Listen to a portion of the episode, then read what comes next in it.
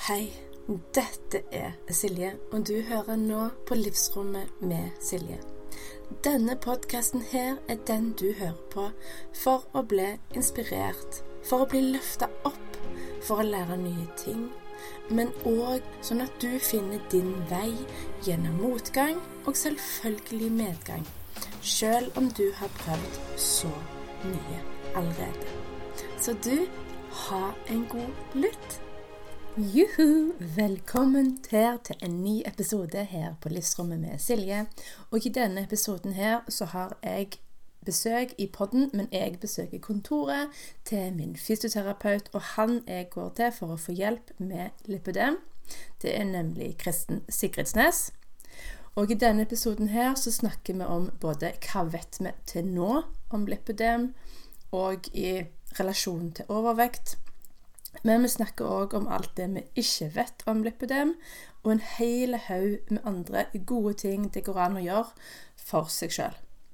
Og når du hører denne episoden, og du har lyst å Du lar deg fascinere, så vil jeg bare nevne at jeg har eh, påmelding til oppgradert stress og syklus, hvor vi jobber eh, på den måten som har ført meg til mine eh, resultater, der jeg lærer deg steg for steg.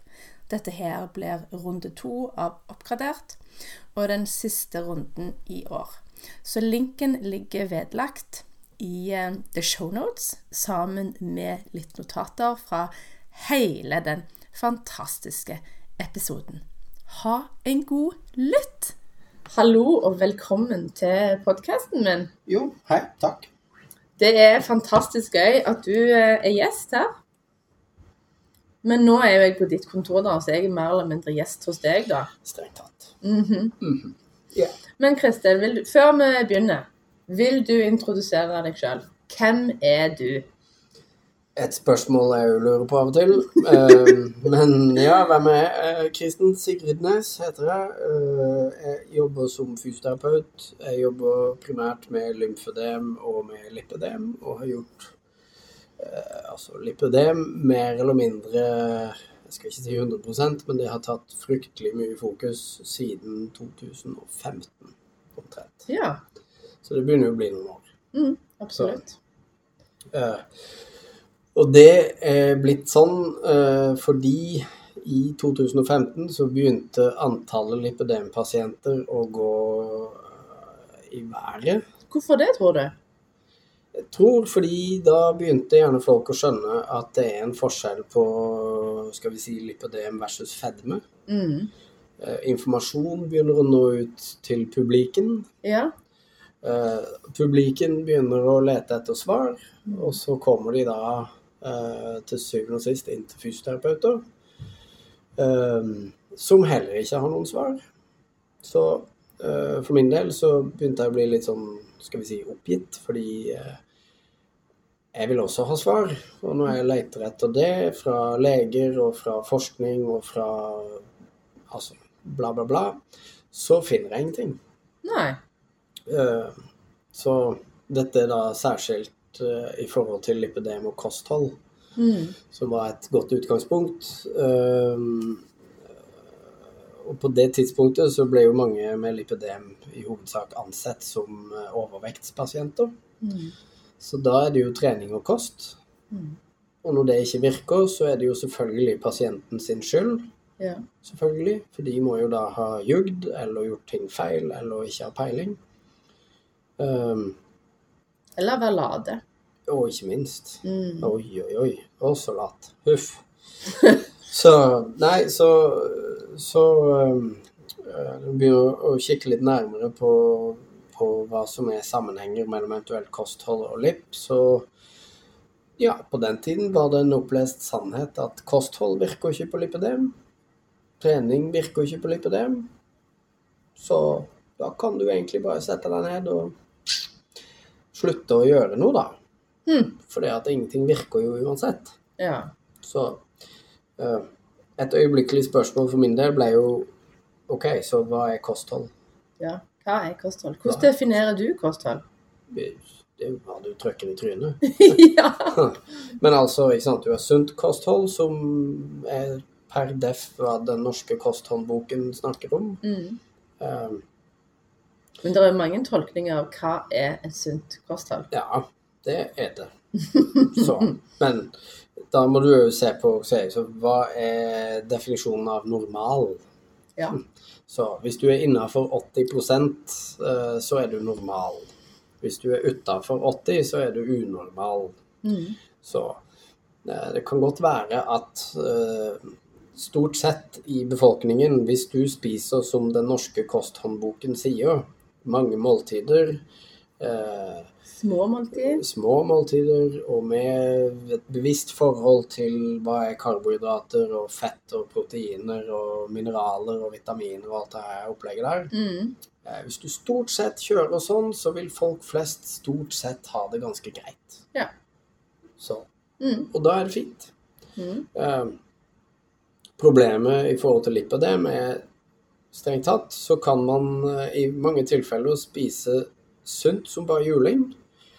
Og være aktiv og ha en fin livsstil. Eh, Tilsynelatende sunn og frisk og alt er greit. Men oppleve at vekta egentlig går gradvis bare opp og opp og opp. Mm.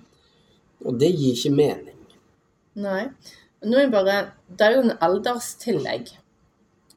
Og det er jo en egen ting, men òg gjerne litt parallelt. Mhm. For damer, når de når en- viss alder, så er det liksom det kommer en liten sånn alderspondus. Ja. Ikke bare damer.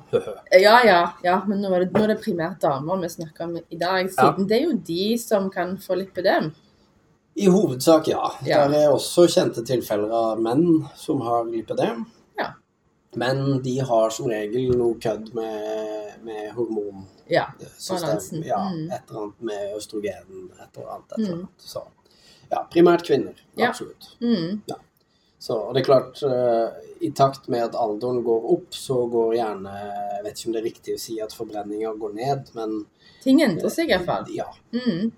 det gjør de. Så, så det spiller en rolle. Og, men det er klart, er du innafor den såkalt normale, innenfor den 80, så kan du gjøre helt normale kostholdsendringer og endringer med henhold til aktivitet eh, for å justere din egen kroppsvekt. Mm. Eh, På lipodem så er det ikke nødvendigvis eh, det samme bildet. Så, og det er jo nettopp da, som jeg sier, kvinner går til lege og sier at 'jeg har så vondt i beina og jeg er stor i underkroppen', og så sier legen 'jaha, du er tjukk, så du må spise mindre, du må trene mer'. Ja. Og flink pike gjør som lege sier, spiser mindre, trener mer. Eh, X tid går, og hun går tilbake til legen som sier at 'nei, du har ikke spist mindre og trent mer, for hvis du hadde gjort det, så ville du gått ned i vekt'. Mm. Og flink pike sier men jeg har gjort det. Ja. Nei, men du kan ikke ha gjort det. Mm. For du har ikke gått ned i vekt. Så med andre ord, ansvaret hviler på du. Ja. Eh, det kan jo tenkes at det blir en sånn litt sånn negativ spiral. ja. Absolutt. Uh, og konsekvensen kan være at kvinner tenker at uh, jeg gidder jo ikke å spise mindre og trene mer, for det funker jo ikke. Mm. Så jeg kan like gjerne bare sitte i sofaen og trykke trynet. Ja. Uh, de færreste gjør det, men altså så det kan Det er tenkes. sikkert. Ja. Ja, ja. Så, og da øh, får vi ofte et kjempeproblem, fordi da vil vekten vokse Mm. raskt. Mm. øh, Mye. Og smertene kommer i takt med at vekten går opp. ja. Men hvis vi bare tar et lite steg til sida og Mm. forklarer hva er lipidem? Hva skiller lipidem fettceller i forhold til vanlige hvite fettceller? Jeg jeg tror det ligger en nobelpris i svaret der. Ja. Eh, altså, hva er lipødem? Uh, tja. Lipp betyr strengt tatt fett. Mm. Ødem betyr strengt tatt hevelse. Mm. Så lipødem er strengt tatt uh, fetthevelse. Mm. Uh, Det rare er at det avgrenser seg typisk fra midjen ned til typisk eh, anklene. Mm. Men det trenger jo ikke være det. Det kan være under kneet. Så leggen kan være normal. Eh, Det trenger ikke være det heller. Det kan være midjen til lår. Ja. Så, og eller armer. Eh, I litteraturen står det vel at omtrent 30% av pasienter med lipødem kan også oppleve symptomer i armene. jeg skal ikke si at litteraturen tar feil, men eh, i min hverdag så ser jeg det langt oftere enn 30 Ja. Så eh, Jeg ser også i litteraturen at det står eh, en såkalt ankelcuff. At lipidem går fra midjen til anklene, betydende låra kan fortsette ned og være like store som leggene. Mm. Eller omvendt, altså. Mm. At leggene er store, og at det er en brå avslutning i leggen rett ved knokene på Mm. ankelen. Mm. Det kalles en ankelcuff. Mm. Ja. Men den ses jo også i armene, Ja. ser jeg i praksis. Håndkøff. Håndkøff. Ja. Så, og man sier også at uh, man har en såkalt subpatellær fettpute, uh, betydende Ja, eller spol tilbake, da. Du har ankelcuffen, det er greit, og så har man ofte en fettpute som hviler på innsiden av knær. Mm. Den fettputen, pleier jeg å si i hvert fall, den gråter en tåre ned mot leggen. Mm. Så da er det en fettpute som samler seg på undersida av leggen, som ofte er veldig tydelig. Mm. Og den er ofte også ganske såkalt palpasjonsøm, altså vond å ta på. Mm. Uh, og det ser man jo kanskje også i armen, at der er fettputer ved albuen. Uh, overarmen er kanskje vesentlig større enn underarmen. Så det ser rart ut hvis man sammenligner med den normale. Mm. Det er jo på en måte litt sånn utenfor prop proporsjon. Ja. ja. Ja. Det stemmer liksom ikke helt. Nei. Og så er det den også si, følelsen i vevet. Uh, når jeg kjenner på lipidemvev, så uh, Hvis jeg sier seig biff, Ja. striglete, eh, knudrete Hardere. Ja. Eh, det føles uh, annerledes. Mm. Mm. Uh, det kan være hardere, det kan være mykere for så vidt. Det kan være nodulært, altså klumpete. Ja. Du kan kjenne uh, sandkorn, riskorn og opp til valnøtter i, ja, såpass, ja. i klumpete vev som ligger i underlaget. Ja. Ja. Og typisk er ikke det skal vi si, videre behagelig å, å bli trykka på. Nei, nei, det skjønner jeg. Så ja. Så lipødem, ja, det er en fetthevelse som, eh, som avgrenser seg da fra midjen til ankler og eller armer, hvis du hører på tyskerne som sier det sånn. Mens amerikanerne gjerne sier at uh, du kan også ha det i magen, uh, i haken, altså mye større deler av kroppen. Til og med puppene. Ja, til og med i puppene. Mm. Uh, ja, så der er sådan, i mitt hode i hvert fall, så er det to leirer i lipødem. Du har den tyske leiren som mener sitt, og så har du den amerikanske leiren som mener sitt. Mm. Uh, og så skal vi si strides de lærde om hva som er hva. Ja. Ja. Og så er det jo òg at fettceller i seg selv er jo på en måte betent, og er inflammasjon. Mhm. Men så er det vel òg bindevevet som ligger rundt, som òg er affektert eller påvirka av på en måte dette Ja. Lidelsen, da. Ja. Mm. Fordi da kan man jo si ja, det er primært en fettsykdom. Mm. Eh, Men det er også karakterisert av eh, i hvert fall eh, dr. Herbst fra USA, som sier at det også er en bindevevslidelse. Ja. Så der det påvirker eh, det bindevevet som er mer elastisk, eller Ja. Eh, så? Så det er ikke så enkelt å si at det er ditt og ikke datt. Det er en, Mm. et sammensurium av, eh, Mm. av ting. Og så er symptombildet også ofte svært individuelt. Her er det også et, et eh, skille mellom USA og tyskerne i forhold til Hvis du har eh, Eller skal vi si Hvis du ser ut som lipodem, men du har ikke smerter, ja, da er det ikke lipødem. Mm. Altså, hvis det ser ut som en hest, så er det egentlig et esel. Altså, ikke sant? Ja, ja. Eh, eh, og så kan en gå inn i det, da, i forhold til å si eh, Jeg syns det er rart at eh, hvis du har Eh, alle tegn på lipødem foruten smertene Ja vel, da har du ikke lipødem, da har du lipohypertrofi, Mm. sies det. Ja.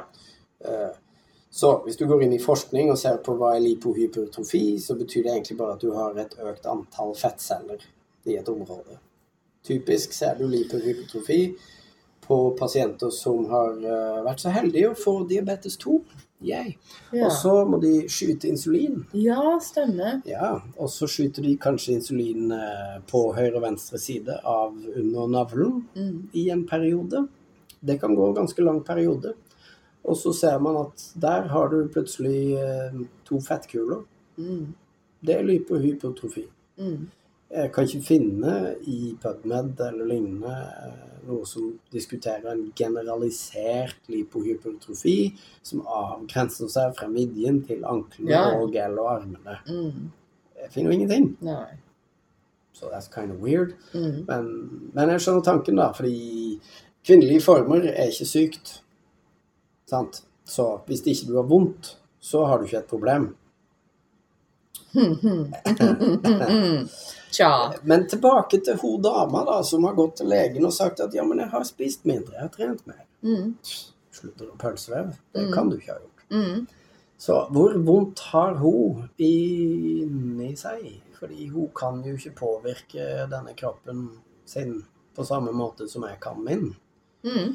Så der er et psykologisk aspekt i dette også som selvfølgelig vil være individuelt, men for mange så kan det stikke veldig dypt. Ja, veldig. Ikke, trives ikke om sommeren. Mm. Ikke sant? Jeg vil ikke Mm. gå på stranda, jeg vil ikke være i bassenget. Jeg vil ikke Badetøy, det Oi, oi, oi. mm. Så, Ja. så dette kan stikke dypt. Øh. Det er mange aspekter av å være lettkledd som kan være vanskelig for mange som har lipødem, Mm. f.eks. Mm. For når jeg eh, ringte deg før påske Mm. i år, da hadde jo jeg egentlig kommet til en plass der at jeg forsto ikke helt hvorfor kroppen min ikke skjønte alt det gode jeg gjorde for han. Jeg behandla nesten kroppen min som et goddamn tempel. Og likevel så økte både omkrets og kilo. Mhm. Så det sto liksom ikke i samsvar. Så jeg bare, der er ei sånn savnede puslespillbrikke her. Og du bare Ja, ja, ja, kom, vi ordner en time før påske. For du hørte sikkert at jeg var litt eh, gira på å liksom, få undersøkt dette her. Så kom jeg på kontoret ditt og setter meg ned på en krakk, og du ser på meg med granskende blikk, og så sier du ja, du har lipødem. Jepp. Jepp. Og noen blir jo da svært uh, overraska, noen blir veldig lei seg, noen blir forbanna.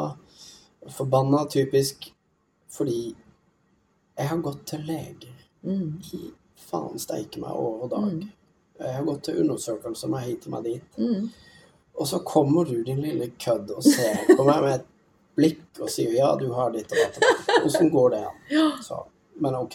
Det, man blir miljøskada og jobber Du blir påvirka, ja. Klart. Ja. klart. Jeg har vært hos ganske mange fastleger, eller ikke bare fastleger, men eh, ulike leger, som sier at det er noe veldig hensiktsmessig, Silje, at du går ned i vekt. ja, Og da er det sånn Ja, for du vet alt jeg har gjort. Testa, prøvd, Ja. forsøkt over tid, justert. For du, du har på en måte total oversikt over alt jeg gjør. En fastlege han har jo virkelig ikke kapasitet til å ta inn den mengde informasjon.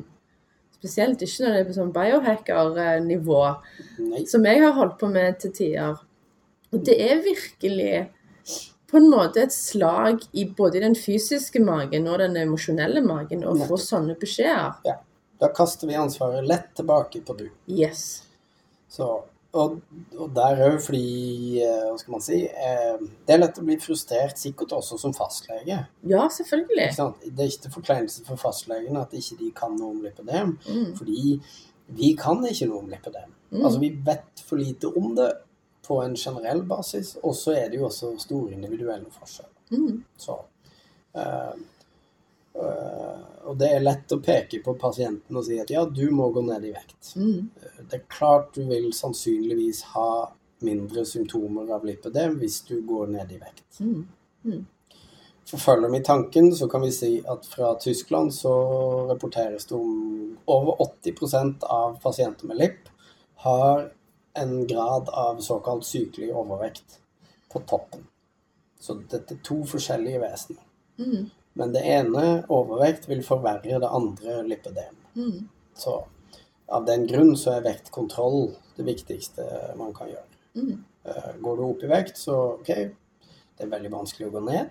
Mm. I hvert fall hvis du spiser Mm. ja, Det kan vi snakke mye om. Eh, og symptomene, smertene, ubehaget, bla, bla, bla, blir òg verre i takt med at vekten går opp. Mm. Så Ja. Ja. Eh, og når du sa det til meg, at jeg hadde lipødem, så ble jo jeg verken sint eller eh, skamfull eller eh, noen ting sånt. Jeg bare Jeg tenkte OK, jeg tar det imot med åpne armer. Og det var en viss motstand eh, når du snakket om de tiltakene som du har sett har hjulpet for en del av dine pasienter. mhm. Eh, med tanke på faste. Jeg innrømmer at det var litt motstand, men idet jeg gikk ut av hoveddøra, så tenkte jeg OK, nå skal jeg bare gå all in. Ja. Og jeg skal forske. Og dette her skal være tidenes forskningsprosjekt. Mm. For når jeg eh, fiksa leddgikt for noen år siden, så var det liksom Det var oppvarminga. Nå Ja. er det liksom eh, eksamen. Ja. Jo, det er beste forutsetninger, fordi hvis du ikke er nysgjerrig, Mm. så eh, Du er født alene, og du dør alene, og du reiser denne veien helt alene, og veldig ofte så er det faktisk ingen som kan hjelpe deg. Nei, det er ingen sånn magic eh, quick fix eller en sånn magisk pille du kan ta. Nei, det er ikke det. Og ingen kan fikse det for deg heller. Nei. Eh, Altså, jo, herregud. Det går an å dra til en kirurg som Ja. kan gjøre sitt. Ja. Eh, Men OK, eh, det er jo et eget tema. Det kan være svært hensiktsmessig, og det kan være helt unødvendig. Ja. Så eh, kirurgi er, som det bør være, eh, siste utvei. ja. Det er jo stor risiko Ja, med alle inngrep. alle inngrep har en risiko i seg, Mm. så absolutt. Mm. Men, eh, men eh, hva skal vi si, når jeg hadde det spørsmålet om hva er kosthold, Mm. det er interessant fordi alle som kan, i hvert fall på den tiden, alle som vet hva lipødem er, sier jo i 2015 det samme. Kosthold og trening virker ikke. Mm. Ok.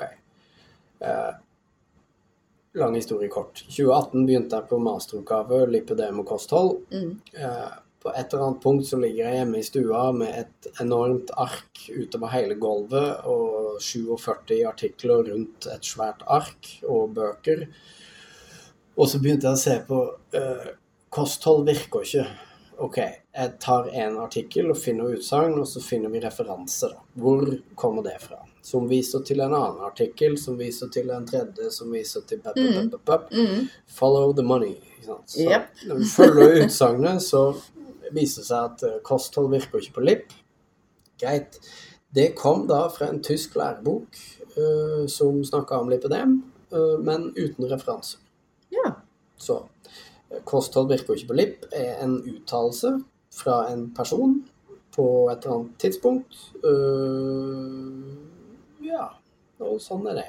Og så er mer til det. Nei, fordi den gang da så holdt det at noen, eh, noen med skal vi si, autoritet eh, Ja. uttaler noe, så Mm. blir det tatt for god fisk. Ja. Så uh, ja. Så når vi da ser litt nærmere på hva er kosthold og sånn slik, så er det jo fryktelig mye interessant. Mm. Eh, Så, eh, så, så skal vi si konklusjonen på min første masteroppgave, for jeg skrev to, uh, men var basically har du lipødem, så bør du spise ketogent. Fordi og derfor. Mm. Men her er også en greie, da, fordi man snakker om en ketogen diett. Så la oss bare ta det med en gang, da. Fordi eh, jeg hadde ti dager på meg før jeg skulle levere min masteroppgave.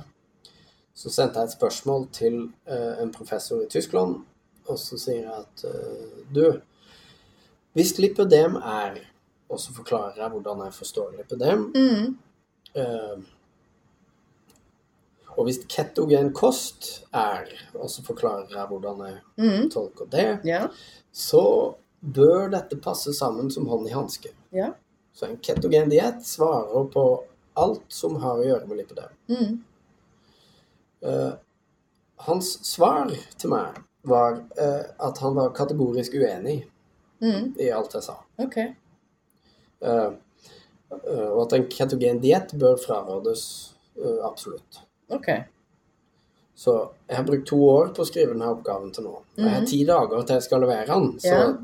Eh, ukult. Men så jeg skrev en helt ny oppgave på ti dager, der jeg åpna opp for å se på ikke bare ketogen kost. Så eh, Så da åpner vi opp for hva er sunn kost, hvordan påvirker det, hva er lavkarbo, eh, hva er lavkarbo i forhold til keto, hva er forskjellige skal vi si, måter å spise på. Mm. Uh, og hvordan kan det tenkes å være verdifullt uh, i forhold til symptomene ved lipidem. Mm. Så eh, eh, Noen måneder etter oppgaven min var levert, så ble jeg intervjua på, en, eh, på en sånn kongress innen lymfologi. eh, Mm. Fordi det, det, sant, det, det er ikke skrevet noen oppgaver om lipidem kosthold. Så det er bra, ja. jammen bra du gjorde det, da. Jo, men det er ikke fordi jeg er så flott og flink, men altså det, var- Ja, det var bra jeg gjorde det. Noen måtte gjøre det. Mm. Så. Men denne tyske professoren var til stede der. Ja. Så han sendte meg en e-post etterpå og sa han, du, beklager, jeg, jeg tok helt feil. Ja. Du har helt rett. Jeg misforsto uh, måten du brukte ordet diett på. Ja. For det er en greie. Uh, du kan ikke fikse et langvarig problem med en kortsiktig løsning. Mm. Så uh, sant? mange tolker en diett som en sånn Ja, jeg gjør dette i åtte uker, Mm. og så er det good. Mm. No, it's not. Så eh, eh, For den som ikke vet det, en ketogen diett betyr eh, mindre enn 20 gram karbohydrater per dag. Ingen sukker, ingen stivelse, ingen frukt, ingen juice. eh? Mm. Veldig restriktivt. Mm. Du skal tvinge kroppen til å brenne fett eh, og ikke bruke sukker. Mm. I den sammenheng er sukker og karbohydrater det samme. Ja. Så, eh, men, eh, og lavkarbo er jo i samme universet som keto, men lavkarbo er ikke like restriktivt. Eh, lavkarbo eh, åpner opp for ikke bare at du skal spise mindre enn 100 gram, altså man, man bør ligge på 100 gram karbohydrater om dagen. Da er du innafor i forhold til hva er en lavkarbo. Ja. Alt under 50 gram, da begynner du å nærme deg keto. Mm. Så altså, det her er komplisert fordi man må vite hva som er hva. Og hva er målet med hva, de tiltakene man gjør. Mm. Så lavkarbo, greit. Da har du mindre inntak av karbohydrater. Øh, mindre inntak av sukker, som regel. Mm. Så, og alt det her er interessant fordi fellesnevneren på keto og lavkarbo har å gjøre med kontroll på blodsukker. Mm. Og blodsukker, det føler jeg det er en sånn nøkkelfaktor Absolutt. til dette. Absolutt. Uh, du kan si uh. Du skal spise ofte, og du skal spise Mhm. lite. Og I norske kosthåndboka så skal du ha er det 60% av det du stapper i deg, skal være karbohydrater. Helst fullkorn. Ja, ja. Og det vil jeg jo være enig i. Fullkorn er bedre enn Mm. ikke fullkorn. Ja, ja. Eh, Men hvis jeg spiser seks måltider om dagen og har en eh, skal vi si, en skive seks ganger om dagen, eller hva jeg nå har Jeg har poteter, jeg har ris, jeg har pasta, jeg har altså karbohydrater. Eh, frukt. Ja, det er fruktose eller sukrose eller sånt, det er sukker. Alt påvirker blodsukkeret. Mm. Eh, Så det gjør at mitt blodsukker i løpet av en dag vil svinge stort. Mm. Mange ganger opp og mange ganger ned.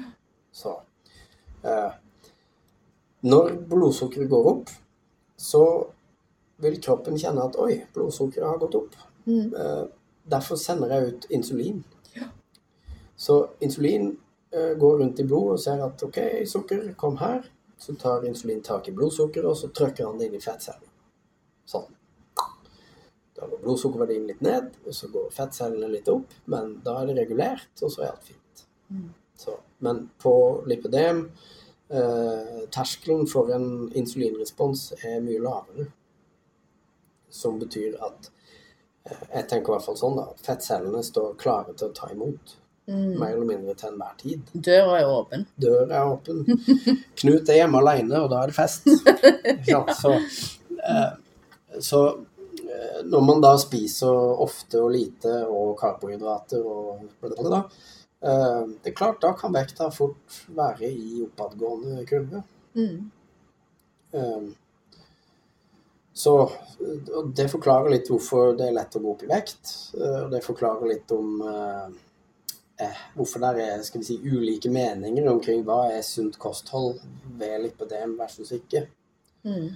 Eh, eh, Den forskningen som forelå, i hvert fall i 2018-området eh, Ok, det er ikke mye forskning som ser direkte på lipidem i forhold til eh, spesifikke kostplaner.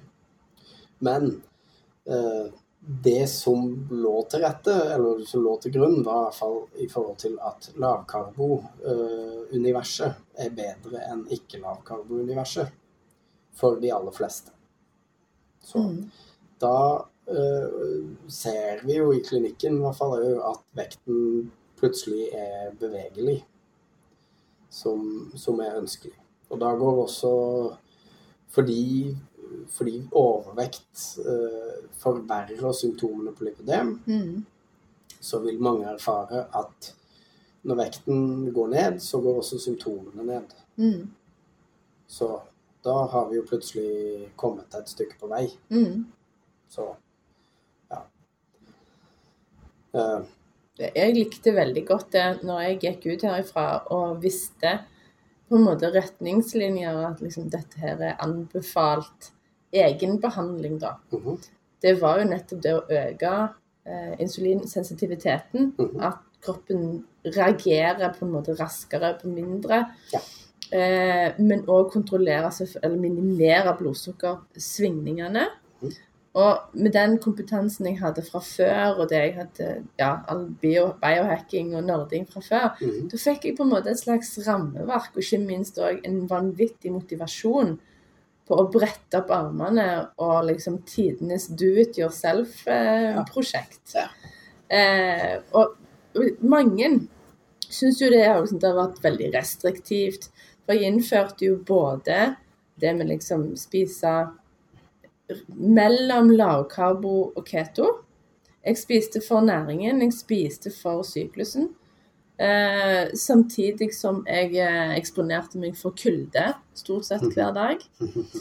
Eh, og eh, hadde jo periodisk faste. Mhm. Og ikke minst òg så så jeg på, på forholdet til meg sjøl, og hvorfor jeg gjør det, og at det er verdt det. Yep. Og det er de små handlingene hver dag Ja. som skaper momentet. Altså det Ja, altså, hva, hva er livsstil? nettopp. Consistency compounds. Jo. Ja. Ja. Det er Jeg sier jo trend over tid, det er livsstil. Ja. Mm. Så uh, ja. Og periodisk fasting som del av et kosthold Ofte når du begynner å flørte med lavkarbo-universet, så vil en eller annen grad av faste være en naturlig konsekvens. mm, Eh, du kan si Ola Nordmann, som spiser mye karbo og sukker og mange måltid, alt, bla, bla, alt det der, han vil oppleve at blodsukkeret går opp. Uh, og med en gang blodsukkeret når topp og begynner å bikke over, mm, ja, så får vi et signal til huet som sier at du, uh, nå er du sulten. Ja. Ikke sant? Uh, ok. Eh, Det er ikke sult. Nei. Det er et signal om at blodsukkeret er på vei ned. Mm, Men siden vi ble født, så har vi tolka det som at OK, nå er jeg sulten. Når mm, blodsukkeret mitt er på vei ned, da må jeg ha mat for å få sukkeret opp igjen. mm, Så uh, trend over tid er nettopp det. Vi er programmert til å tolke et signal som sult uten at det egentlig er det. mm. Så da spiser jeg igjen, og så går blodsukkeret opp, og så har du denne syklusen med blodsukkersvingninger som Men Da vil du jo få mindre fallhøyde når kurven er lavere. Nettopp. Og det er jo fordelaktig for utrolig mange prosesser i kroppen. Nettopp. I hvert fall òg i forhold til vekt og lipidem og fettceller. Ja. Mm. Jo, og så kan du si greit, når den, når den eh, opp- og nedturen på blodsukkeret ikke er til stede, så holdes blodsukkeret rimelig stabilt og Mm. rimelig lavt. Mm. Så eh, apropos at du ikke har svingningene, så får du heller ikke signal om at du er sulten. I Mm. hvert fall ikke like ofte.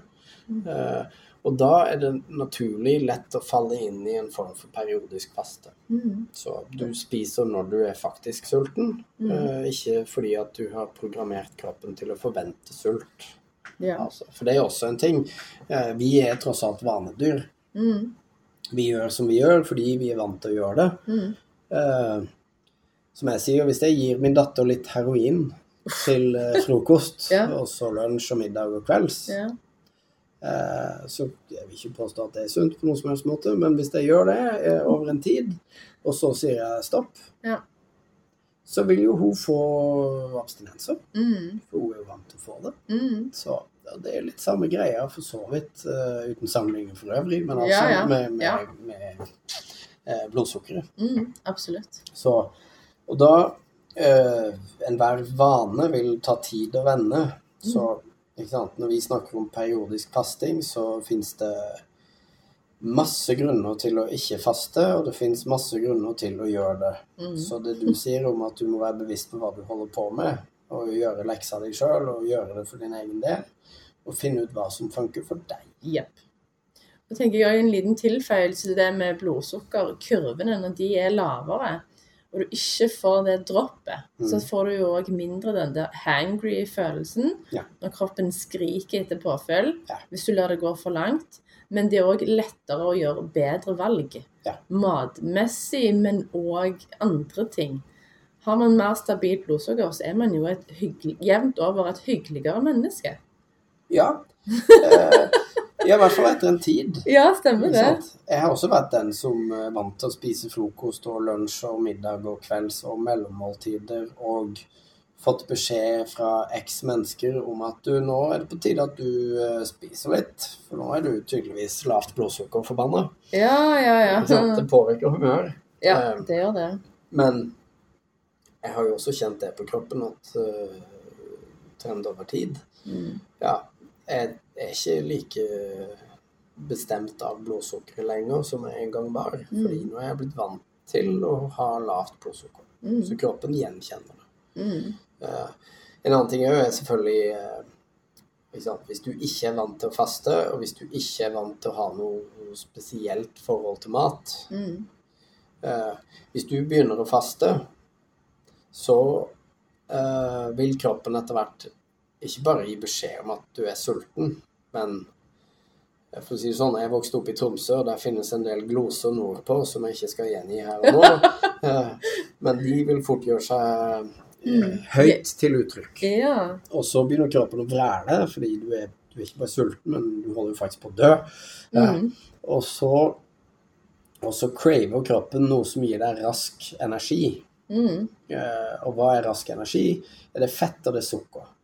Sant? Så, eh, og da trykker du gjerne masse crap i snuten fordi at du må ha noe kjapt. Yep. Eh, som jeg sier, da får du belønninga der og da, og så får du straffen etterpå. Mm. Så, og det er jo en greie som tar tid å snu. Mm. Hvis du tar de riktige i gåseøyne-valga, så vil du få straffen her og nå, fordi du kan ikke spise den posen med Smash eller whatever. Mm. Eh, Men belønninga får du da etterpå, Mm. fordi du har Ja, ja. kontroll på hva du faktisk spiser. Ja. Som resulterer i på sikt bedre helse. Absolutt. Mm. Mm. Så. Og liksom, det er interessant i seg sjøl, syns jeg, hvordan eh, Som jeg sier, mange vet at eh, frokost er det viktigste måltidet om dagen. Dette vet vi. Eh, Dette er opplest og vedtatt. Ja, omtrent. Ikke sant? OK, så hvor kommer det utsagnet fra? Ja. Ja, det er en markedskampanje fra 1930-40-tallet fra Mm. produsenten av frokostblanding. ja, selvfølgelig. Sant? Det har ikke så mye med forskning å gjøre. Nei. Eh, så å spise lite og ofte og hyppig og sånn og slik, eh, ja, det står også i den norske kosthåndboken at det er viktig, for hvis du, hvis du spiser for sjeldent, så vil blodsukkeret falle. Mm. Da får du per def lavt blodsukker, så blir du irritabel og kan føle deg uvel. Mm. Tilbake til heroin. Ja. Eh, altså, da har du abstinenser. Så eh, Men folk er forskjellige for all del, så noen må spise lite og ofte og oppleve på den måten at de går ned i vekt. Eh, eh, mens andre må spise nok, men sjelden. Mm. Og så har det en annen virkning. Så Mm.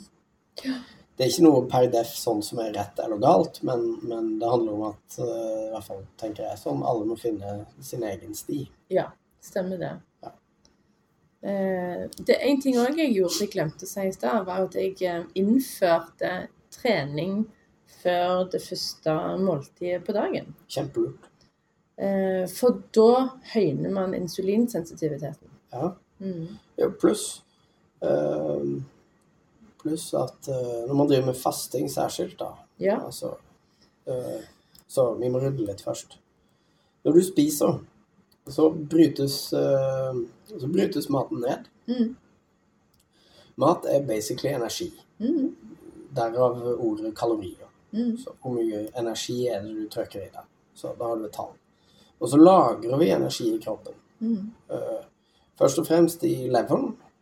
Tenk på leveren som kjøleskapet. Mm. Der putter vi energi som er lett tilgjengelig. Mm. Eh, Vi lagrer det i form av glykogen. Mm. Så da fyller vi kjøleskapet, leveren, med noe som er lett å hente ut. Eh, Hvis vi fortsatt har energi til overs, ja, da lagrer vi det i fryseren. Mm. Eh, Eller også kjent som fettcellene. Mm. Musklene, da? Er ikke de òg Jo, jo, i denne jo, jo. prosessen? De er også der. Ja. Og de er mer i forhold til leveren enn de er i forhold til fettcellene. Mm. Så, uh, fettcellene, der lagrer vi stæsj som vi kan eh, dypfryse over tid og Mm. hente ut når det virkelig er behov. Mm. Så uh, når du faster i om det er 12 timer eller om det er 16 timer, alt ettersom, men kroppen trenger kontinuerlig energi. Mm. Så den vil gå og forsyne seg av musklene eh, og kjøleskapet. Mm. Så Ja. etter hvert så begynner kjøleskapet å bli tomt. Mm. Så når du da går x tid, og kjøleskapet begynner å bli tomt, og så setter du deg på en sykkel, eller hva du nå gjør, Mm. men svetter og puster som en gris, Mm. ja, da krever du jo energi som du egentlig ikke har. Lett tilgjengelig, iallfall. Ja, Mm. så, og da tvinger du kroppen til å ta en tur i kjelleren, åpne opp frysa og bryte ut det jeg lagra til seinere bruk. Mm. Mm. Eh, Så det kan være en trigger for å oppnå vektreduksjon. Mm. Men, men kanskje det forutsetter at du må tømme glykogenlagrene Mm. eh, i en eller annen grad for å nå uh, lageret du har i fettcellen. Mm. Ja. Så jeg si, bevisst kosthold og fasting og alt sånt slik, det er vel og bra. Det er tipp topp. Men eh, erfaringsmessig, når du, når du kombinerer kosthold med aktivitet, det er da det begynner å skje ting. Mm. Sant? Så eh, fasting alene, kosthold alene, ja, det er bedre enn ikke. Ja, ja, absolutt. Mm. jeg tror på dette med livsstil, eh, og i livsstil så ligger jo ikke sant eh, skal man si, stillesitting som et fenomen. Ja. rangeres vel som den tredje største dødsårsaken i verden. Jeg hørte at uh, 'sitting is the new smoking'. Ja, for eksempel. Mm. Så det betyr ikke at du dauer sittende i sofaen, eller herregud, mange gjør sikkert det òg, men, uh, men du får mye skal vi si, bivirkninger av å sitte, da. Mm. Så vi er ikke skapt til å sitte. Likevel så gjør vi det akkurat nå. Vi gjør det. Ja, vi gjør det. Ja, ja. Så, men det høres rart ut å så ha et intervju. Ja. Ja, det gjør det. Ja. Det stemmer, det. Så, ja. Men altså, den beste stillingen er alltid den neste stillingen, og så bør man alltid variere og gjøre masse. Du Mm. bør stå som du bør gå, som du bør eh, bla, bla, bla, gjøre Mm. alt mulig rart. Men Mm. vi sitter oss i hjel, vi sitter i bil, vi sitter hjemme på kvelden, vi sitter på jobb på kontoret, vi sitter, vi sitter, vi sitter. Mm. Så vi er vel heller skapt til å løpe ut på Savannen. Ja, nettopp. Med vår pil og bue. Ha. Og lendeklede. Ja, ikke minst. Ha. Og spise bær. Ja. Mm. Mm. Til dessert etter, etter Etter hjorten. Ja, stemmer. Ja. Mm. Mm. Nei, men sånn sett, så ikke sant, fordi spoler du tilbake 1000 år, så ser vi at eh, ok, Kristen og Silje løper på savannen. Mm. Vi er sultne som juling. Uh, men vi har ikke noe. vi har ikke spist på lenge, vi er jo dødssultne. Men den der hjorten, ja, han, han løp fra oss. Ja. Så hvis tanken er tom, Mm. og vi er sultne Vi er jo, altså Menneskene er jo lagd for å overleve sult. Ja, Ergo vi har et backup-system. nettopp. Yep. Så ikke sant? Det er en av to. Du kan være så sulten og så sliten at du bestemmer deg for at OK, livet er over, jeg legger meg ned her og dør. Mm. Det er sikkert noen som vil velge den. Mm. Jeg tenker at det er ikke så lurt. Eh, Men kroppen kan da plutselig skjønne at eh, greit, jeg må ha noe, og jeg Mhm. har ikke mer energi. Så jeg kan begynne å konvertere mine egne fettreserver til energi. Og da kommer du i såkalt ketose. Mm. Så da tvinger du kroppen til å ta fettceller, og så spalter det til ketoner. Eh, Det skjer i leveren. Og da har du en backup for uh, energibehov som vil forsyne hodet og sentralnervesystem og muskulatur og hele opplegget. Mm. Så uh, Men det tar tid, det. I hvert fall i dag. Mm. Fordi vi har så lett tilgang på karbohydrater og sukker. Mm. Så vi trenger jo ikke å være i ketose i dag. Uh, så Og så er det ikke nok forskning til å si at verken eller. Er det sunt, er det usunt? Eh, eh, men der er veldig mye skal vi si, lovende tankegang omkring hvilke fordeler kan Jeg vet ikke om et generelt ketogent kosthold, eller om det er ketogene tider. Altså Mm. leke med kosthold, da. Men ketonlegemer som sådan har jo f.eks. vist å kunne være verdifullt eh, fordi Kapper du halen av en øgle, så gror den ut en ny en. Mm. Eh, Ketonlegemer kan bidra til ny, nydannelse av lymfekar hos mennesker. Ja. Så OK. vi litt vel nerdete her, men er du inne i en lymfødemdiagnose f.eks., har du en mekanisk forstyrrelse av lymfesystemet, Mm. OK, så kanskje kan ketose være et verktøy, da. Mm. Eh, Dette vet vi ikke nok om. Eh, Og så sier man også i lipødemverden at uh, lipødem kan ja, La oss først og fremst få oppklare at lipødem i seg sjøl er ikke progressivt. Mm. Så for, for den som ikke, eller som leser på internettet, så kan man lese at det er progressivt, øh, og da tolker man det som at du begynner et sted, og så slutter du et helt annet sted. Det vil bli Mm. verre og verre og verre. Mm. Eh, Det er fedmen. Fedmen er ofte progressiv. Fedme kan bli verre og verre og verre. Det er ikke noe opplagt grunn til å tenke at lipødem i seg sjøl vil vokse. Mm. Men der er det vel litt individuelt òg. Noen har mer på en måte hurtigvoksende. Ja. Mm. Absolutt.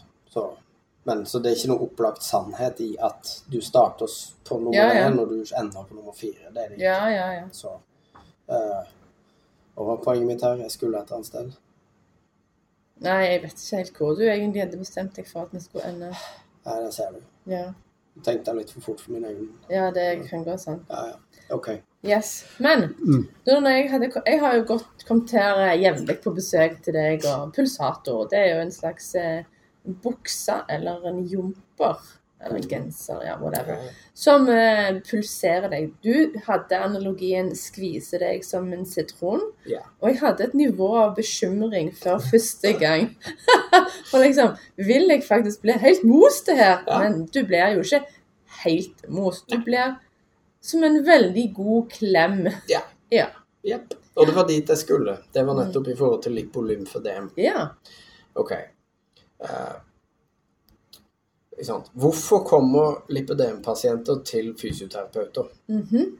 Historisk sett eh, to ting. Eh, overvekt.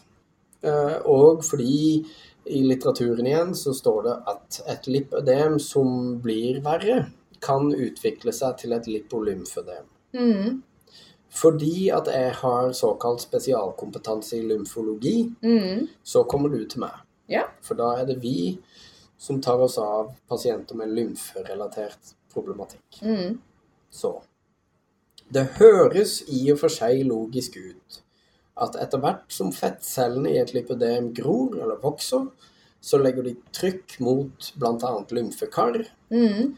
Eh, og så komprimerer de lymferøra til en viss grad, Mm. som reduserer transport av lymfatisk væske, Mm. som gjør at lymfevæsken siver tilbake ut i vevet. Mm. Uh, så jeg tenker sånn da, at hvis uh, ballbingen på Ikea, hvis du fyller den med melk, yeah. yep, da har du et såkalt lipolymfødem. Mm. Eh, da ligger denne væsken og plasker rundt cellene Ja, ja, ja. i kroppen. Og så, og fordi røyra er komprimert, så vil ikke væsken kunne klemmes ut, Mm. og så hopes du opp. Mm. Uh, jeg er bare fysioterapeut, så jeg kan ikke gjøre så mye med fettcellene direkte. Mm. Men jeg kan skvise sitronen. Ja, du kan Sånn. det. Jeg kan legge trykk på. Mm. Uh, Og hvis det er væske som ligger og, og lager en hevelse og som, sånn og Mm. slik, ok, så kan Mm. pulsator være svært verdifullt for Mm. å påvirke væsken til å si get out of here. Og da funker det. Ja. Men det er heller ikke alle med lipødem som har behov for pulsator eller kompresjon. Mm. Eh, hvis det ikke er så mye væske i vevet, så er det heller ikke noe væske å påvirke. Mm. Så, men på en annen side igjen, du kan ha god virkning av kompresjon hvis du har store smerter, selv om du ikke har hevelse. Mm. For hvis du har mye sprengsmerter, eller hva man skal si, mye vondter, og så mm. får du en klem eh, Kompresjon gir tross alt klem. Mm. Så kan det ha sitt å si for hvordan du opplever smerten, Mm. eller ikke. Mm. Så. Ja, ja, ja. Eh, Men i hovedsak så vil, så vil eh, pulsator og kompresjon påvirke eventuelt nivå av væske som finnes. Mm. Men det som er eh, også interessant her, er nettopp det at eh, det høres logisk ut at fettcellene vokser, legger trykk på lymfer, reduserer Mm. transport, gir hevelse. Ja. Eh, paradoksalt nok så finnes det ikke noe vitenskapelig hold for at det er lymfevæske. Nei. Så eh, at du har en hevelse, ja, det er greit. Det er opplest og vedtatt. Eh, men hva er hevelsen? Mm. Det, det vet vi vel ikke ennå. Nei. Yet to be discovered.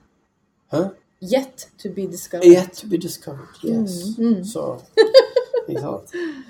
Så, så det, jeg sier jo velkommen til en verden uten regler, for det, det er så fryktelig mye vi ikke vet. Mm. Mm. Og så finnes det mange mennesker som mener veldig mye. Mm. Og det er jo vel og bra, eh, men det skaper også mye Sprik. Ja. Ja. Og mye tolkninger. Ja. Og det er jo trist for de damene som har gjerne gått hele livet og i en eh, søken på svar og egentlig fått høre av leger og sånt at du er sjokolat. Ja. Slank deg. Ja. Eh, og så blir det jo masse skamfølelse, det blir Ja. masse skyld og bebreidelse. Og egentlig sjølverdi og sjølbilde går i en spiral nedover. Ja. Eh, så der er jo Jeg leste en plass om at eh, lipødem-damer Mange av de sliter med på en måte det mentale, Mhm. hvordan de ser på seg selv, sin egen verdi.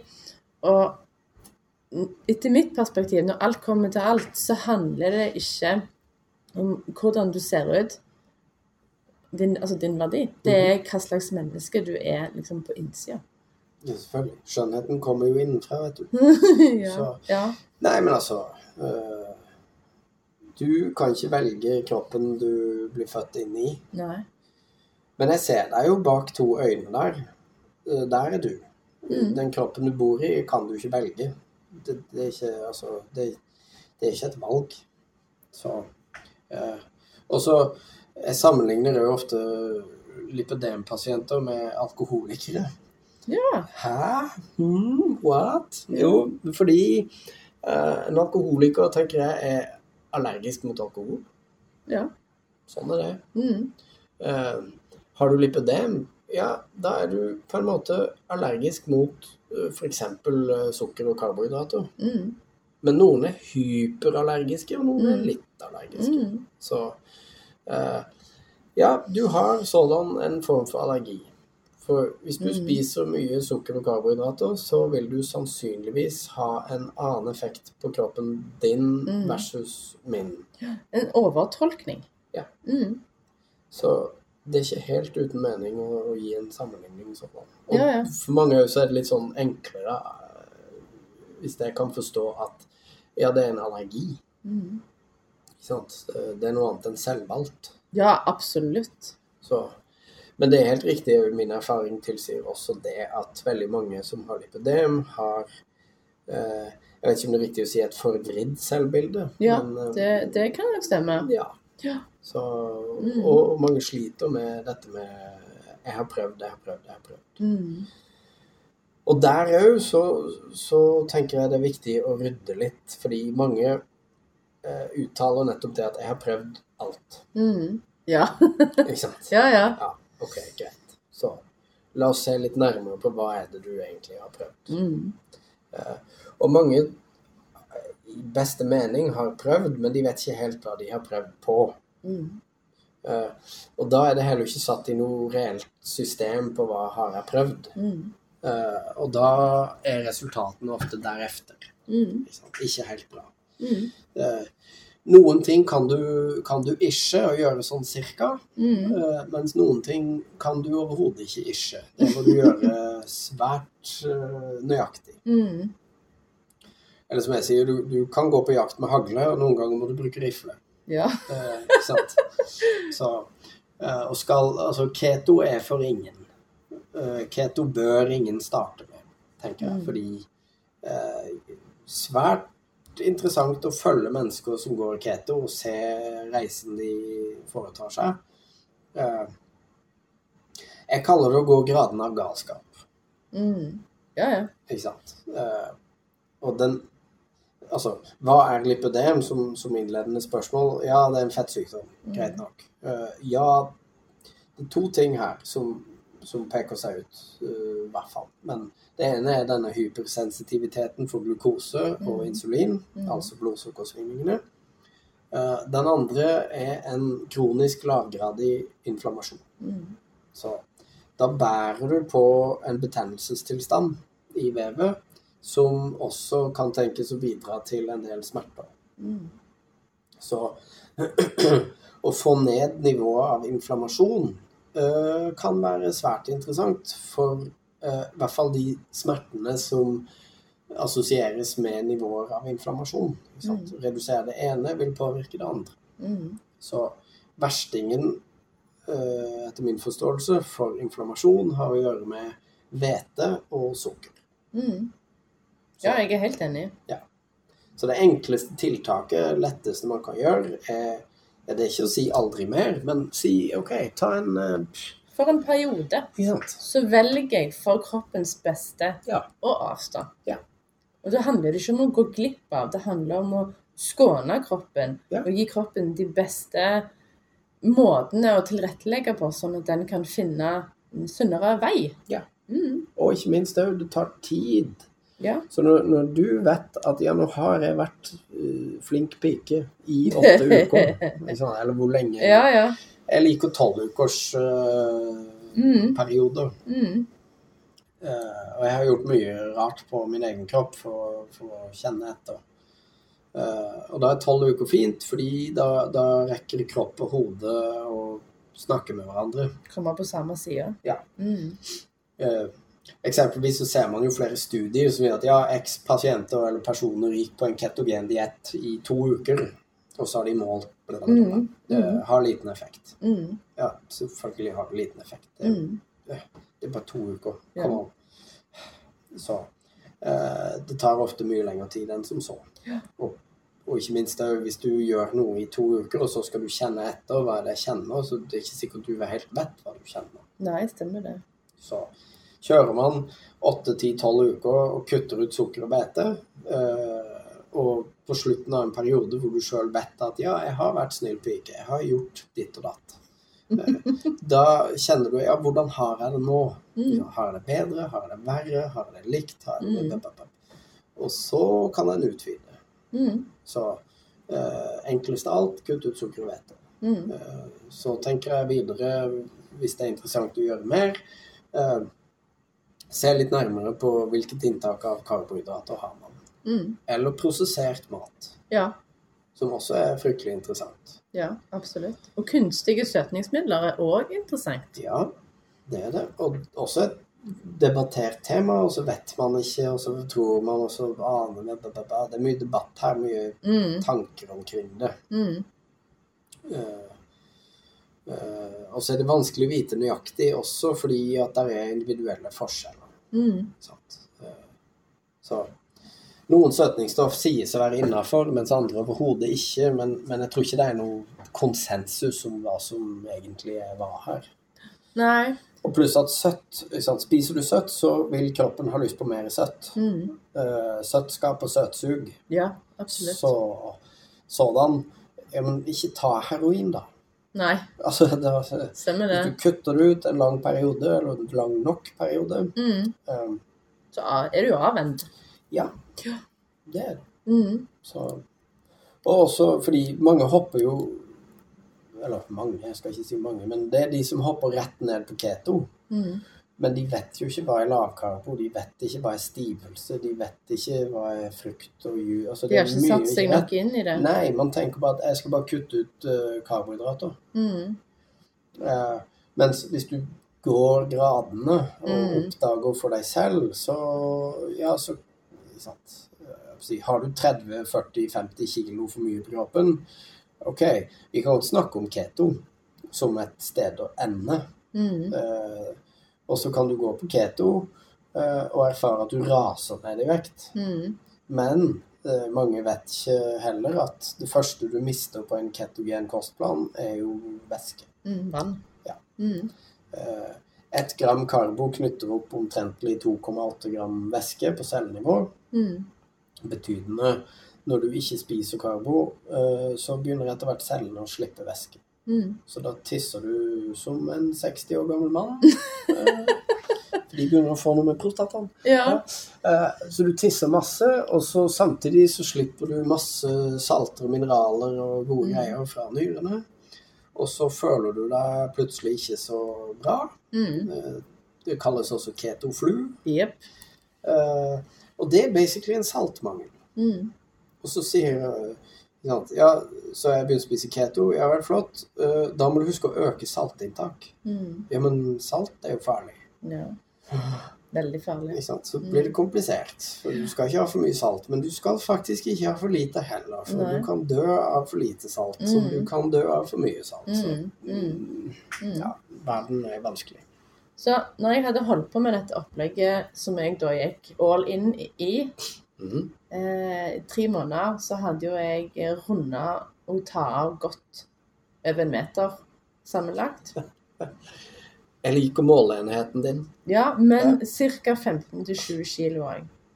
Og jeg vet jo ikke hvor mye av det var vann, hvor mye av det var, var fett. For det er jo òg sånn at man gir slipp på vanlige fettceller før man eventuelt kommer dit hvor man kan på en måte begynne å bearbeide lipødem-fettceller.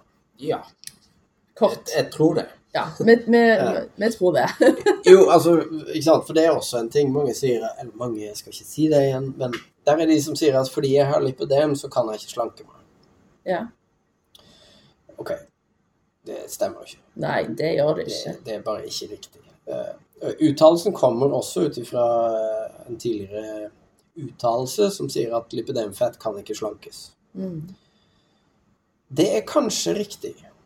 Streker noe kanskje. Men hun vet jo ikke ennå. Nei, nettopp. Mm. Men å si at lipidemfett kan ikke slankes Hvis det stemmer, så er det greit. Da betyr det at lipidemfett kan ikke slankes. Mm. Men ingen mennesker består utelukkende av lipidemfett. Nei, de gjør ikke det. Ikke sant? Du har hvitt fettvev, du har brunt fettvev, du har rosa, du har beige. Mm. Eh, og du har lipidemfett, Mm. som også er en greie. Men så, så det er ikke bare ett fett? det er ikke bare, fett er ikke fett. Nei, det er ikke det. Nei, det er mange typer fett. yep. Så, og som du sier òg, du har drevet med kuldeeksponering. Yep. Interessant. Uh, hvor verdifullt det er, skal vi si vet jeg ikke. Men det er interessant fordi kuldeaktivering vil eh, Kjøre en prosess som heter termogenesis og omgjør til mer brunt fett. Og brunt fett er vel det som bruker energi og ikke lagrer energi. Korrekt. Yes. Yes. Brunt, når du aktiverer det brune fettvevet som ligger primært rundt nakken og brystet Ryggen, òg. Ja. ja. Eh, sant? Når du fryser, og du begynner å hutre, da har du aktivert Mm. Ja, ja. brunt fettvev. Mm. Og det brune fettvevet sier da til kroppen din at du, nå fryser du. Så hæ, hva om vi hiver noen kubber på peisen? Mm. Så da tar jeg litt av det hvite fettvevet, som basically er spekket. -hmm. Og så iverksetter vi en termogenetisk effekt Mm. som produserer varme. Mm. Og det krever energi. Mm. Så gjennom kuldeeksponering så kan du jo erfare at du øker vektreduksjon fordi du brenner mer. Ja. Det er ganske kult det hvor eh, Når jeg begynte å bade hele året, Mm. så tok det ganske lang tid før kroppen ble varm igjen etterpå. Mens nå, det går så fort. Mhm. jeg, jeg rekker liksom ikke fryse, fryse skikkelig før jeg er god og varm igjen. Det er Fordi at du har trent på det. Ja. For det, er- det er de små stegene i riktig retning. Ja, nettopp. Og for meg har det jo Det er mange som tenker å nei, bade hele året. I Norge. Hvis Ja. du var sånn som hører på nå, som var sånn som meg før, som hadde den oppfatningen at nei, jeg bader bare i Syden, der vannet må minst være 25 grader. Jeg var der. Ja. Eh, og så bare fant jeg ut, eh, etter å ha hørt på litt podkaster, at jeg skulle begynne å nærme meg noe. Da begynte jeg jo med å dusje i kaldt vann Mhm. Inne, og så fant jeg ut nei, nå gjør jeg det i sjøen. Kult. Og så Det var, det var fire år siden. Ja. Så nå har jeg bada fire vintrer. Fantastisk. Og det er ikke ennå på enden på visa en- ennå, holdt jeg på å si. Det er det, Nei, se sjøl. Jeg, jeg gjør ikke det du gjør. Jeg får- altså, bade i sjøen hele året. Men jeg har et badekar. Ja. Og Og jeg har- isbiter. Ikke enda. Men jeg har tenkt på det. Ja, kult. Så, og jeg har uh, intet mindre enn to badstuer hjemme. Oi. Jeg har en vanlig Og en eh, infrarød. Og en infrarød, nettopp. Mm. Jeg har òg infrarød. Ja, kjempe. Mm. Uh, Men jeg ser jo også når altså, hva, altså, For den som ikke vet, hva gjør man? Jeg sitter i badstua x tid til jeg er godt kokt, og så hopper jeg opp i det kaldeste springen kan by på, i Mm. badekaret. Mm. Eh, tre minutter. Ja. Har du målt gradene Nei. for det? Nei. Fordi eh, der også hva jeg har lest, så sier man ja, gradene per def er ikke så nøye, Mm. så lenge det er ubehagelig nok, Mm. men trygt. Mm. Mm. Det skal ikke være digg, Nei. men det skal ikke være farlig. Men det skal være ubehagelig kaldt. Eh, og det er det. I hvert fall Ja. når du kommer fra 80 grader i badstua i Ja. tre kvarter, og så tre minutter i iskaldt vann. Ja, det er deilig sjakk. Ja, det er nydelig. Og så går jeg inn i badstua igjen, eh, men ikke tre kvarter. Da er det kanskje 20 minutter. Mm. Og så tar jeg fem minutter i iskaldt vann. Mm. Ok, så nå begynner jeg å skjelve.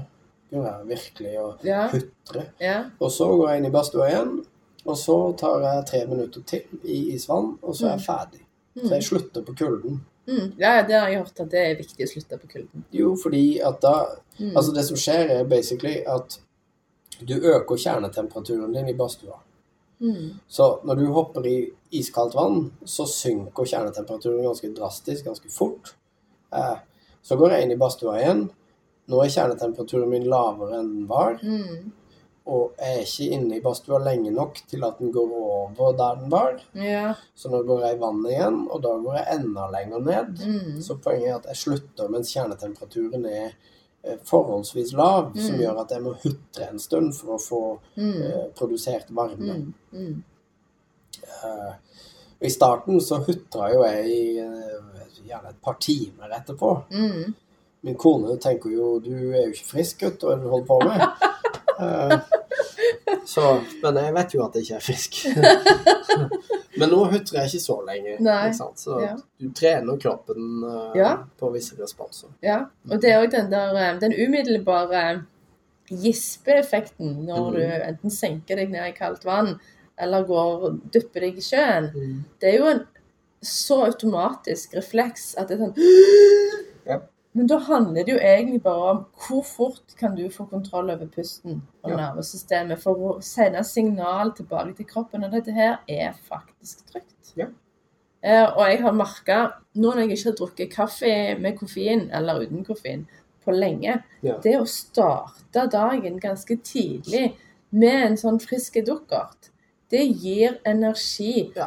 Så det monner Ja. i timevis utover dagen. Sånn at nesten egentlig tanken på kaffe blir overflødig. Ja. Du har ikke det behovet. Nei. Nei. Og det, det altså klarhet, energi, men ikke sånn overaktivert eller overstimulert. Nei, men det er noe der òg med eh, Når du har sovet en hel natt, Og meditert. og med de altså der, ja. Ja. eh, For den eh, skal jeg si, Det her kan jeg ikke nok om til å gjengi det med perfeksjonisme, men det har noe å si i forhold til et hormon som heter adenosin. Mm. Når du ikke drikker kaffe, eller når du drikker kaffe Jeg venter en halvannen til to timer Ja. etter jeg har stått opp. Mm. Og det er eh, Jeg tenker sånn da, at søvnen henger over hjernen min som et, eh, som et lite slør, Eller teppe. Ja. et teppe. Mm. sant? Det er litt gjennomsiktig. Men Ja, eh, ja, så- ja. ja. Hvis jeg drikker kaffe, så rakker jeg det sløret rett av øynene, og så er jeg liksom våken. Men det gjør jo òg noe med, med adrenalin, stress, kortisol. Ja. Hvis du drikker kaffe for tidlig, for du har jo en naturlig eh, kortisolstigning nettopp fordi det er morgen og du skal stå opp og komme i gang. ja. Tar du kaffe i tillegg, så adderer du jo i tillegg og skaper egentlig et ekstra påslag med stress. Jo, og så har det noe med at du utsetter oppstart av utskillelse av adenosin. Mm. eh, betydende eh, Hvordan skal vi gjøre det enkelt, da? Hvis du, hvis du står opp og ikke drikker kaffe, og du venter en stund, Mm. så vil en adenosinøkning i kroppen gradvis eh, forøkes utover Ja. dagen. Mm.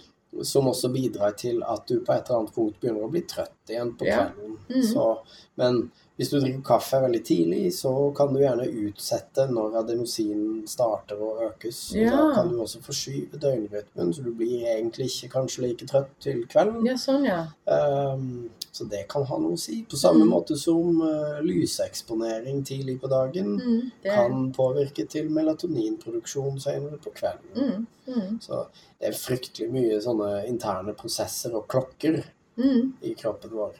Så Ja, det er definitivt eh, ei, eh, en døgnrytme Ja. i kroppen. det er det. Mm. Men du, nå har vi holdt på veldig lenge. Vi har vært innom veldig mye. Jøss, tiden Ja, flyr. Tiden ja, flyr. Ja, ja, ja. Eh, hva vil du tilføye før vi runder av? Vi kan dessverre ikke holde på i sånn Andrew Huberman-stil på tre timer. Vi får ta en, eh, en versjon nummer to seinere. Ja. Altså, det er så mange relevante ting som hører med Uh, i forhold Kanskje til du vil oppgi og noen kilder. Hvor vil du, utenom du sender de til meg, da selvfølgelig, da. Hvor eh, vil du henvise til hvis det kommer ei helt nye med lipidem på ditt kontor? F.eks. noen eh, nettsted eller personer å følge? Åh, det der er veldig vanskelig, fordi eh, Begynner du å lese på internettet, så kan du finne ut Da kan du lese alt. Mm. Ikke sant? Eh, så jeg tenker det enkleste er faktisk det enkleste. Så begynne med små steg. Jeg Mm. snakker alltid mye om kosthold. Mm. eh, peker i retning av lavkarbo eh, og ber egentlig folk finne ut av det sjøl. Mm. Det er noe som, heter 'Give a man a fish and feed him for a day', but 'teach a man to fish and feed him for a lifetime'. Ja, stemmer. Eh, Så eh, kosthold er en hobby. Eh, det, det er ikke dumt å ha en jeg fysioterapeut, men det er egentlig hvem som helst som kan ting, eh, for å ha noen å kaste ball med. Mm. Men når alt kommer til alt, så er det bare deg sjøl som vet. Mm. Så eh, jeg tror på informasjon. Det er ingen som kan gjøre det for deg. Eh, Mm. Du må på en måte gjøre det sjøl, og så kjenne etter på din kropp hva som virker for deg. Mm. Eh, og det er ikke sånn at For det leser jeg også på nettet blant veldig mange lipidempasienter, at du må ditt og datt. og du? Mm. Du har krav på sånn, og du må huske på det. Pappa. Mm. Nei, vet du hva, ingen er like. Mm. Så, så jeg følger jo ikke noen spesifikke nettsteder. Jeg leser mye lipidem fordi at jeg kaller meg sjøl autisten-kristen. Eh, Så når jeg brenner for det her, så Ja. ønsker jeg å finne ut av det. Mm. Eh, Ja. Så der har du meg, da. Ja, men det, jeg er vel i samme gata, jeg òg. Jo, og, Bare med et annet navn. jo, jo. og jo mer jeg tror jeg skjønner om lipidem, jo Ja. mer skjønner jeg at jeg faktisk ikke forstår. Yes. Så det er jo der vi er i dag. Mm. Så.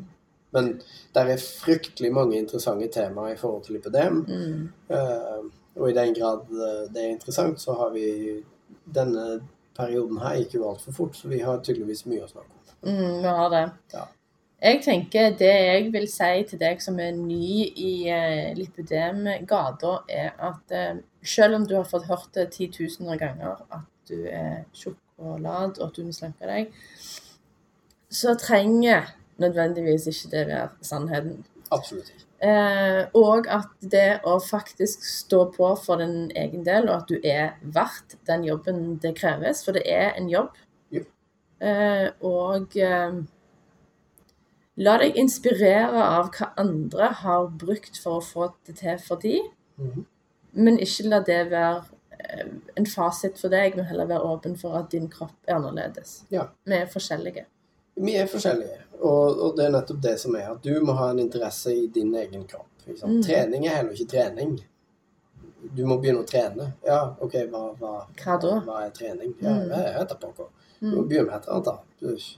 Og så bytter du taktikk hvis ikke det funker. Mm. Så eh, det er samme som å si noen begynner å spise lavkarbo, og så lager de et lavkarbobrød, og så kommer de hit og sier at ja, men det kan jeg jo ikke ha, for det smaker søppel. Ja, men så bra, tenker jeg. Det brødet du lagde der, smaker søppel. Så ikke lag det igjen, da, men finn en annen oppskrift. Mm. Uh, ja, men det smakte jo godt. Ja, ta-da. Det kalles å bruke huet lokalt. Ja. Så, ja, ja, ja. Eh, ja, alt er et selvstudie. Mm, mm. Ta ansvar Ja. for deg og ditt. Og jeg tenker òg Man har ett liv og én kropp. Jeg har iallfall tenkt for min del å gjøre det aller beste ut av det, og gjøre det beste for kroppen. For jeg har lyst både å leve et friskt liv lenge, men òg å kunne nyte alt jeg kan nyte i alle åra som gjenstår. Og Det har jeg tenkt skal være mange. Ja. Mm. Og før du går, bare Du begynte når tid var det her? Omtrent påsken i fjor? Nei, i år I, å, herregud. Ah, eh, symptommessig, hvordan har dine endringer påvirka deg? Altså, jeg føler meg jo Jeg bestemte meg faktisk eh, når jeg var godt i gang, jeg var vel seks uker inne i opplegget, så bestemte jeg meg for at dette her skal være sommeren jeg totalt føler meg fri i kroppen. Ingen begrensninger. Jeg skal ikke la kroppen hindre meg i å være på strand, være i badeland. Eh, masse bikini. Og for første gang så fikk jeg et sinnssykt eh, skille på magen. Fordi jeg bare ga blanke i hva folk mener. Og på stranden de Folk flest bryr seg jo mest om sin egen kropp. For det at 'Å, ser de på meg?' 'Å, å hvordan tenker de om meg?' Mm. Og det var bare en fantastisk frigjøringsprosess. Men da var jeg jo i gang. Da hadde jeg jo funnet ut at dette her faktisk virket for meg, det som jeg gjorde. Eh, Det tok ikke mange ukene før at centimeter eh, forsvant, for det var det første jeg begynte med, var målebånd. Ja. Eh, og så kom vektmåling etterpå. Men det jeg følte meg lettere i kroppen, eh, og da med tanke på fjellturer, bevegelse, trening Jeg kunne komme dypere ned i yogastillinger, som jeg tidligere, fordi at det var mindre volum da. Ja. Eh, mer energi. Så det henger Smertene. da. mindre. Ja. Mm. Og jeg er helt enig. altså, Å måle centimeter er ofte mye bedre enn vekt. Mm. Så Og så måler jeg på strategiske tidspunkt i syklusen, og det er rundt eggløsning. Og måler du i slutten av lutealfasen og mensen, så er du garantert litt bloated. yes. Og da er det på en måte Det er ikke vits. Det blir på en måte falske mål, da. Ja. Så tenker jeg da er det bedre å vente til du er rundt dag 14-ish. Og ha gjerne fast dag hver måned eller hver syklus. Og da vil man forhåpentligvis, sånn at du òg ser det som jeg så, at tallene går nedover. Eller at det du gir slipp på, går oppover. Ja. Ja. Mm. Ja. Mm. Vektreduksjon det ser ofte ut som en Richter-skala. Det er opp og ned og ned og opp og opp. Ja, ja, det er ikke lineært på Nei. noen måte. Så det er trend over tid. Så jeg synes også, jeg sier til mine hvis du skal gå på vekta, så OK, gjør det fredag morgen. Mm. Det kan være lurt. Fordi Etter du har vært på do nummer to. Ja. Mm. Uh, man synder ofte mer i helga enn du gjør i uka. Ja. Og hvert fall autisten Kristen, han er flink gutt fra mandag til fredag. Mm. Og så kan jeg godt synde i helga. Mm. Men det betyr at på fredag så er jeg in the clear. ja. Ja, ja. Så ja. Nei, men eh, OK, jeg kan snakke i enda et par døgn, så vi Vi må runde av. Ja. Du får heller bare Eller jeg får eh, Vi får lage en, en til episode, da. Det kan vi heller gjøre. Ja, vi gjør det.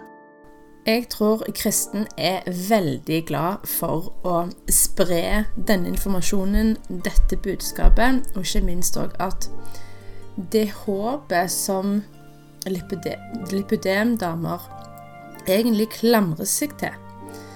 Og det er jo egentlig det at det en gjør sjøl, er det som har mest effekt. Og så tenker jeg òg denne episoden må deles. Og jeg håper du er med og hjelper med det. Send den til de som du gjerne vet strever med lipidem. For det å se på det Det er det som har hjulpet meg, iallfall. Se på det fra et veldig helhetlig perspektiv. Kropp, sinn og sjel. At det er ikke kun fysiske skada fettceller og bindevev. Det er mye, mye mer. Og det er det òg vi jobber med i den oppgraderte stress og syklus som jeg lagde fordi jeg så at det er flere her som tar kontakt, som egentlig ønsker eh, å gi slipp på kilo i en trygg, snill og balansert måte. Hvor skam ikke er invitert. Hvor skyld og bebreidelse heller ikke er invitert. De får faktisk ikke lov å komme inn. Eh, men det at vi pleier relasjonen til seg sjøl, vi finner ut av hva det er som har gjerne stoppet meg til nå. Har jeg sabotert meg sjøl? Hvordan kan jeg virkelig bare få med meg hormonene? Og det som du òg hørte i episoden nå, det med blodsukker, glukose, østrogen, det er den store nøkkelfaktoren. Eh, så vidt iallfall i mitt tilfelle av suksess og progresjon til nå, men òg hos mange, mange andre. Så hvis du er interessert i oppgradert stress og syklus, så sender du enten en mail eller en melding, eller bare hopper på. Jeg står på innsida og gleder meg til å ta deg imot og lose deg trygt og kjærlig gjennom disse fem ukene. Og så vil jeg òg bare gi en siste shout-out til eh, Kristin. For en fantastisk mann og fysioterapeut han er. Vi som bor i området her, vi er heldige som har han eh, i nærheten. Selv om det er mange gode rundt i hele landet, så bare tenker jeg jeg er ekstra takknemlig.